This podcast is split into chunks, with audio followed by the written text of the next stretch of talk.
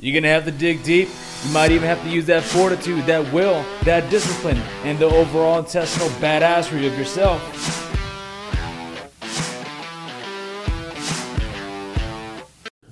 Hey folks, this is Rico on the radio. Thanks for joining me.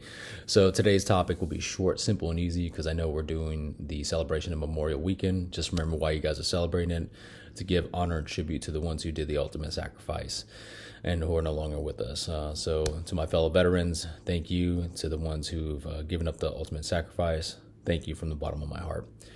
All right, so today's topic is about nobody owns you and nobody owes you, right? If uh, you think that you are owed something, or if you think that somebody owns you, you're wrong. We are free people, we are free Americans, and we can do whatever we want within the respect of the legal confine, right?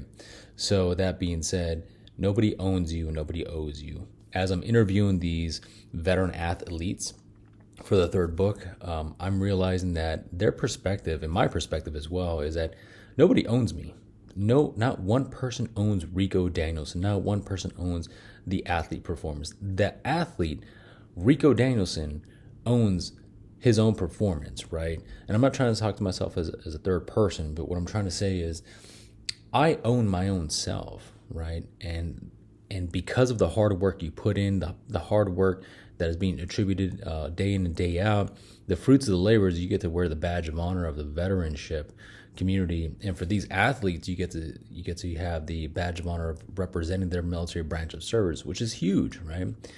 And they approach a life like nobody owns them, right? And also also their sense of ownership, right?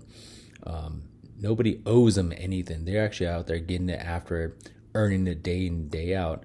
So the question you want to ask yourself is, who owns you? If you if you answer that wholeheartedly says, Hey, my boyfriend, girlfriend own me. I just advised a dear friend of mine last night.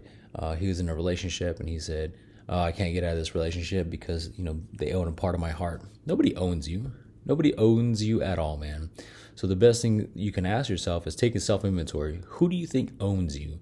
And actually drill that down and say, okay, how do they own me and how do they how do I think they own me, right?